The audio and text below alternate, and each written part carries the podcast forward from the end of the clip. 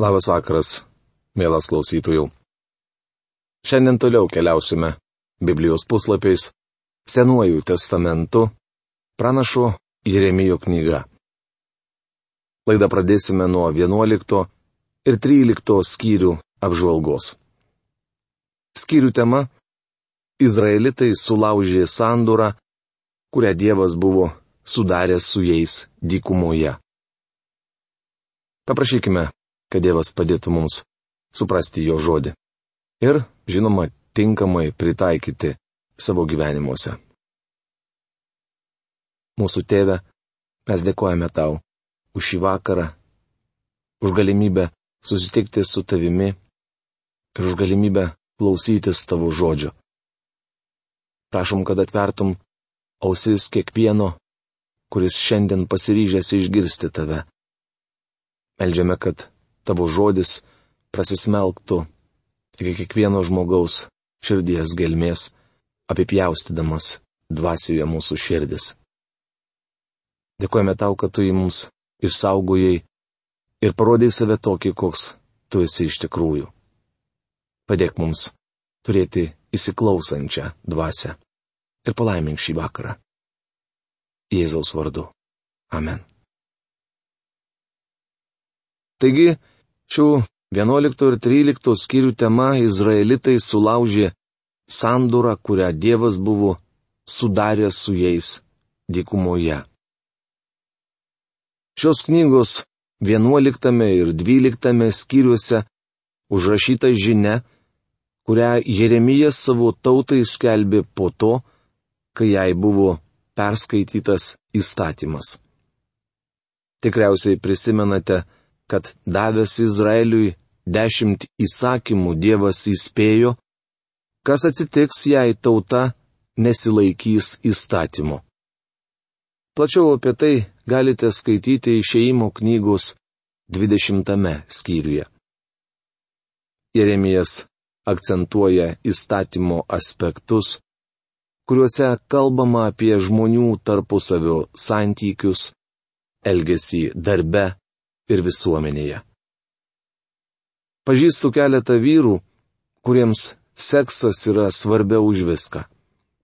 Jie paliko savo žmonas ir vedė mergužėlės, kurių galvos yra tuščios, bet figūros idealius. Beje, tie žmonės mano, vis dar gali tarnauti viešpačiui. Jeremijas aiškiai duoda suprasti, jog tas, kuris tai pasielgė, išklydo iš kelio ir yra toli nuo Dievo.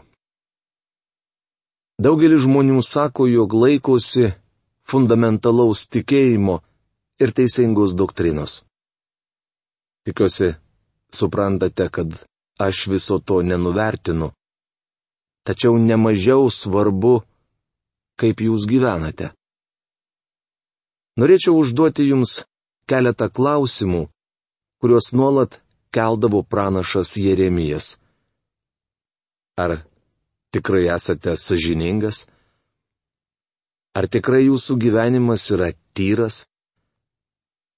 Daugelis iš mūsų, jei būtume sažiningi, pultume kniupsti prieš Dievą ir išpažintume, jog esame nutolę nuo viešpaties ir nevaikštome jo keliais. Kaip jau minėjau, Jeremijo dienomis žmonės to nedarė.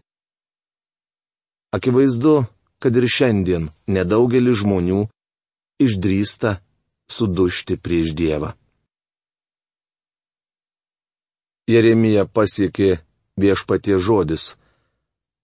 Klausykis šios sandoros nuostatų. Paskelbk juos judo žmonėms ir Jeruzalės gyventojams.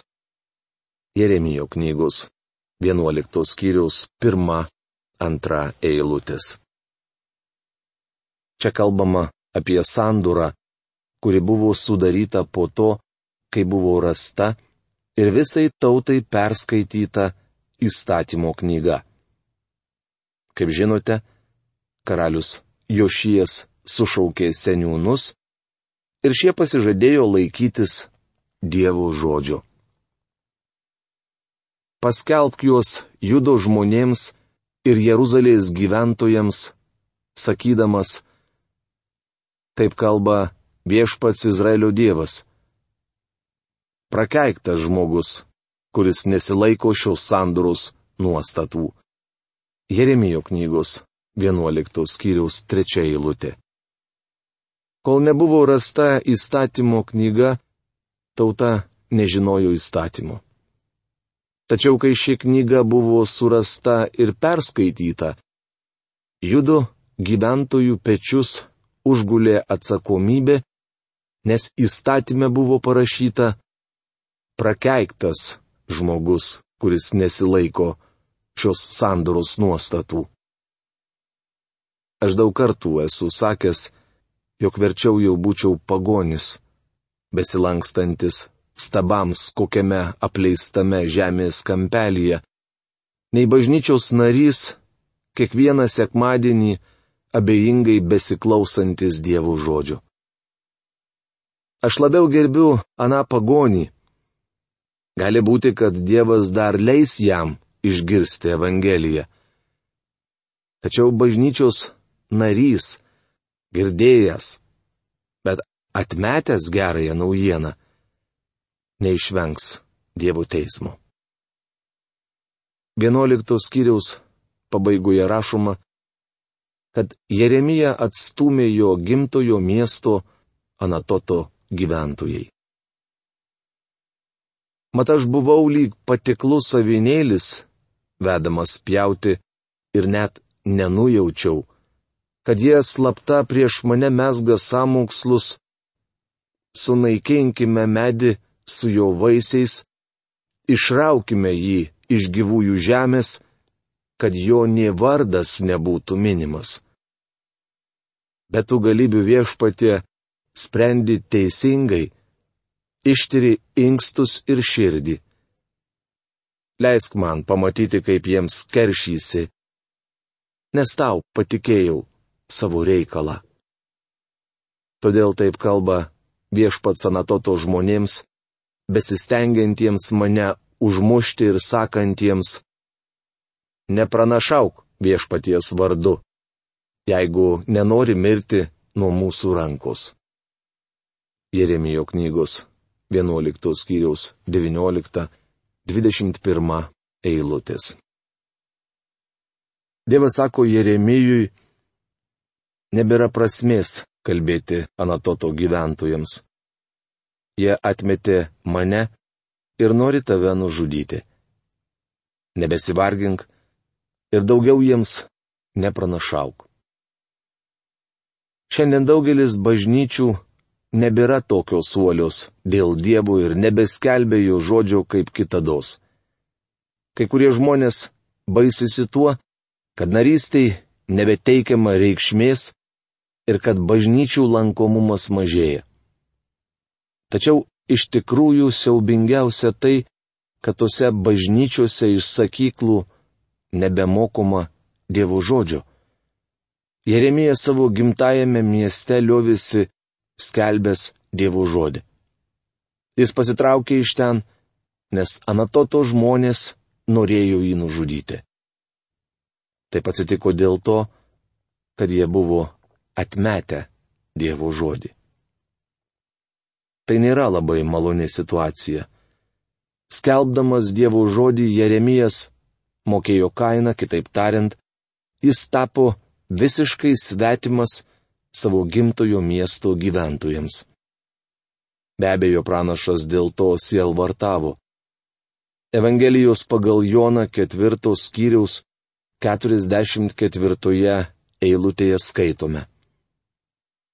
Pats Jėzus buvo pareiškęs, pranašas negerbiamas savo tėviškėje. Mūsų viešpats turėjo palikti tėviškę Nazaretą ir apsistoti Kafarnaume. Panašiai pasielgti buvo priverstas ir Jeremijas. Žinia, kurią šis pranašas skelbė savo tautai, visai nepanaši į tą, kurią galite išgirsti šiandien. Dabar dažnai sakoma, ateikite pas Jėzų ir jis padarys jūs nauju, o gal net ir turtingu žmogumi. Jums viskas kuo puikiausiai seksis. Studijuodami Jeremijo gyvenimą matome visai ką kitą. Pranašas sako, kad už atsigrėžimą į Dievą reikia mokėti kainą. Tačiau tai daryti tikrai verta. Nors Judo seniūnai sudarė su Dievu sandūrą ir pažadėjo jam tarnauti, prabudimas tame krašte buvo daugiau ar mažiau paviršutiniškas. Be abejonės, Jeremijo žodžiai buvo veiksmingi ir kai kurie žmonės iš tikrųjų atsigrėžė į viešpatį. Šios kiriaus šeštoje eilutėje užrašyti tokie pranašo žodžiai. Viešpats man tarė, paskelbk visus šiuos nuostatus judo miestuose ir Jeruzalės gatvėse sakydamas, klausykite šios sandoros nuostatų ir vykdykite juos. Tačiau situacija tame krašte blogėjo.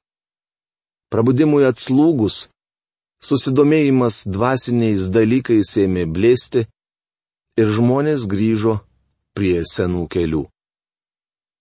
Net karalius Jošijas padarė pražutingą klaidą. Jis pastojo kelią Egipto faraonui Nekojui ir susikovė su juo Megido lygumoje. Mūšio metu Jošijas buvo mirtinai sužeistas ir Jeremijui teko apraudoti jo mirtį. Metraščių antros knygos 35 skyriaus 25 eilutėje skaitome Ir Jeremijas sukūrė Jošijui raudą, kurią visi giesmininkai ir giesmininkės kartojo savo raudose Jošijui, kaip daroma iki šios dienos. Jos virto papročių Izraelyje ir buvo įtrauktos į raudas. Jeremijas raudojo, nes žinojo, kad tauta ne tik grįž prie stabmeldystės, bet dar labiau pasiners į paleistuvystę. Žinoma, taip ir atsitiko. Jeremijas turėjo skelbti žinę, kurios tauta nenorėjo girdėti. Jie atmetė pranašo žodžius ir ėmė tartis, kaip jį nužudyti. Taigi Jeremijui teko palikti savo tėviškę Anatotą. Jošijas būtų stojęs ginti Jeremijo, tačiau tuo metu šis karalius jau buvo miręs. Į karaliaus sostą atsisėdo Jehoahazas, kuris valdė kraštą vos tris mėnesius. Po to į judo sostą fronas nekojas pasodino Jehojakimą, kuris turėjo mokėti duoklę Egiptui, todėl uždėjo krašto gyventojams didelę mokesčių naštą. Neilgai trukus Nebukadnecaras nugalėjo Egipto karalių ir Jehojakimas tapo Babilono vasalu. Dar po trejų metų Jehojakimas, nepaisydamas Jeremijo įspėjimo to nedaryti, sukilo prieš Babilono karalių. Anksčiau pranašas buvo įspėjęs Judą nesudaryti sąjungų su Egiptu ir nepasikliauti jo pagalba. Tačiau Judo karaliai nekreipė dėmesio į Jeremijo kalbas ir tauta vis labiau smuko. Jeremijo klausimas. Dvyliktame skyriuje aprašomas labai tamsus tautos istorijos laikotarpis. Vienintelis šviesos spindulėlis buvo Jeremijas. Kaip jau minėjau, tuo metu karalius Jošijas buvo miręs, Jeremijas išvarytas iš savo tėviškės, o kraštą valdė pikti vyrai regis situacija vis blogėjo. Tokią akimirką Jeremijo, kaip turbūt ir kiekvieno nuoširdaus krikščionio, širdyje gimė dviejonės ir jį apniko liūdnos mintys. Pranašas svarstė, kodėl Dievas visą tai leidžia.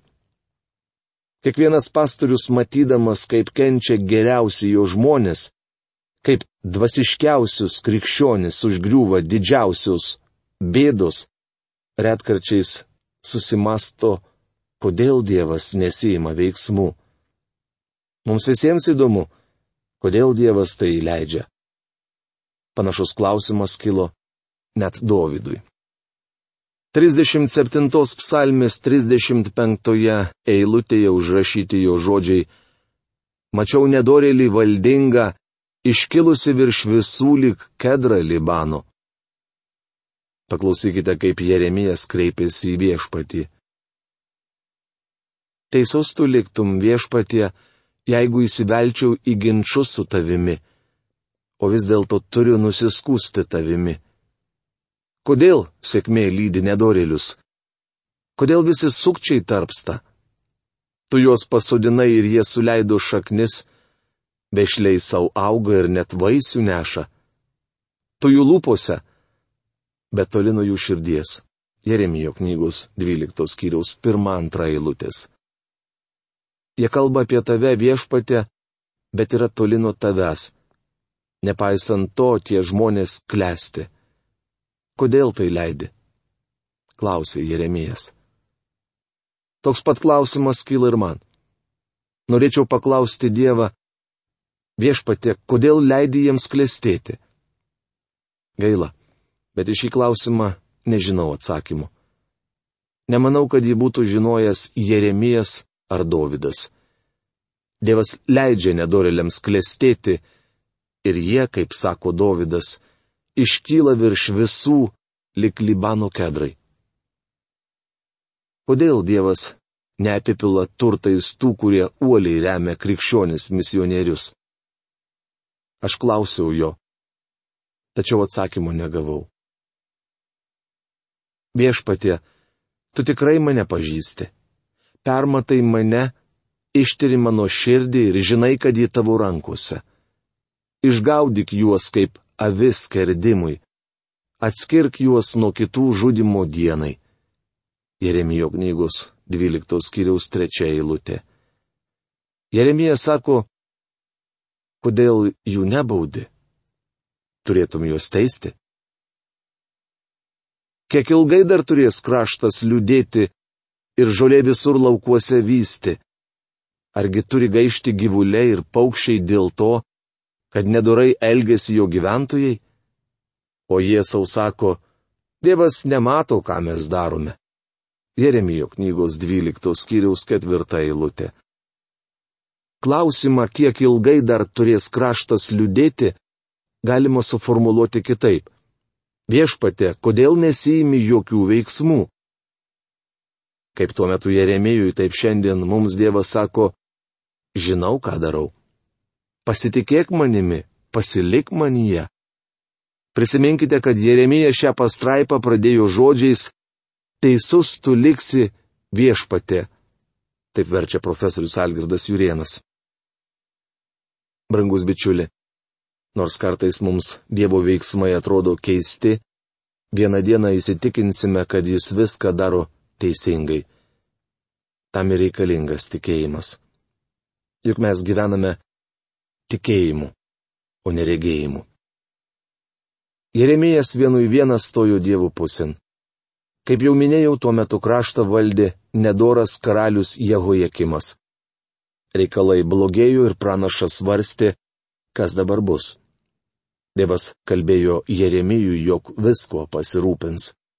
Šios knygos 11 skyriaus 16 eilutėje skaitome Žaliuojantis alyvmedis malonus akims, taip viešpats praminė tave. Bet dabar jis tarsi didžiu perkūno trenksmu padega jo lapus ir liepsnoja jo šakus. Laiško romiečiams 11 skyriuje Paulius rašo, jog geras alyvmedis buvo nukirstas ir padėtas į šalį. Taip Dievas pasielgė su Izraelio tauta. Šiandien iš tos pačios šaknies jis daigina laukinį alyvmedį. Tai jūs ir aš.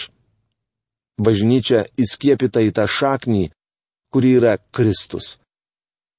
Izaijo knygos 53 skyriaus Antroje eilutėje apie Kristų sakoma, kad jis yra šaknis sausoje žemėje teikianti gyvybę. Dievas sakė Jeremijui, Aš visko pasirūpinsiu. Patikėk šį reikalą man. Dievas turėjo planą, nepriklausomą nuo aplinkybių, kurios neramino Jeremiją. Jei lenktynė su pešiaisiais tave nuvargino, tai kaip galėsi varžyti su raiteliais? Jei tu jautiesi saugus tik ramiame krašte, tai kągi darysi Jordano brūzgynuose? Jeremijo knygos 12 skyriaus 5 eilutė. Kitai žodžiai tariant, Dievas sakė Jeremijui, jei tave neramina tai, kas turi įvykti, žinok, jog bus dar blogiau. Jeremijau, reikalai vis blogės. Jei nerimauji dabar, ką darysi, kuomet bus iš tiesų blogai? Bičiuli mums gali atrodyti, kad šiandien reikalai blogi, tačiau bus dar blogiau. Tikiuosi ši žinia neišgazdins jūsų, o tik priartins prie viešpaties. Dievas neatskleidžia mums visų detalių, kaip galbūt mes norėtume, tačiau sako, jog galime pasitikėti, kad jis visada elgesi teisingai.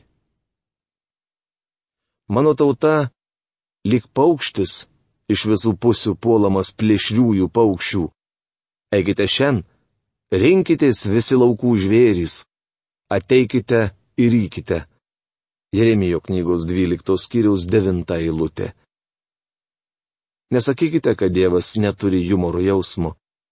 Šioje eilutėje girdime jį sakant, Jeremijau, tu esi balta varna, Matote, kiekviena varna mano, kad jos jaunikliai juodesni už visus kitus varniukus, tačiau kai šie išsirita iš kiaušinių pasirodo, jog jie netokie juodi.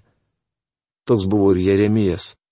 Žmonės kalbėjo, manėme, kad tu už mus, kad esi vienas iš mūsų, bet anaip tol. Tu balta varna. Bičiuliai, aš taip pat esu balta varna. Įtariu, jog tą patį galima būtų pasakyti ir apie jūs. Jei esate uolus dėl Dievo, tuomet jūs panašus į baltą varną. Dievas sako, Jeremijau, jei tu už mane, tuomet susitaikyk, jog esi balta varna. Tačiau kai būsiu išrovęs, vėl pasigailėsiu ir parvesiu kiekvieną į jo paveldą ir į jo kraštą. Jeremijo knygos 12 skyriaus 15 eilutė. Akivaizdu, kad klausimas, kodėl turtuoliai klesti, nedavė pranašui ramybės. Dievas sako, Jeremijau, aš tuo pasirūpinsiu. Nubausiu juos nelaisvę, tačiau vėliau jų pasigailėsiu ir parvesiu kiekvieną į jo kraštą. Mielas klausytojų, šioje rašto vietoje mes su jumis trumpam sustosime, nes kitoje mūsų laidoje mes užbaigsime 11-13 skyrių apžvalgą. Iki greito susitikimo. Sudė.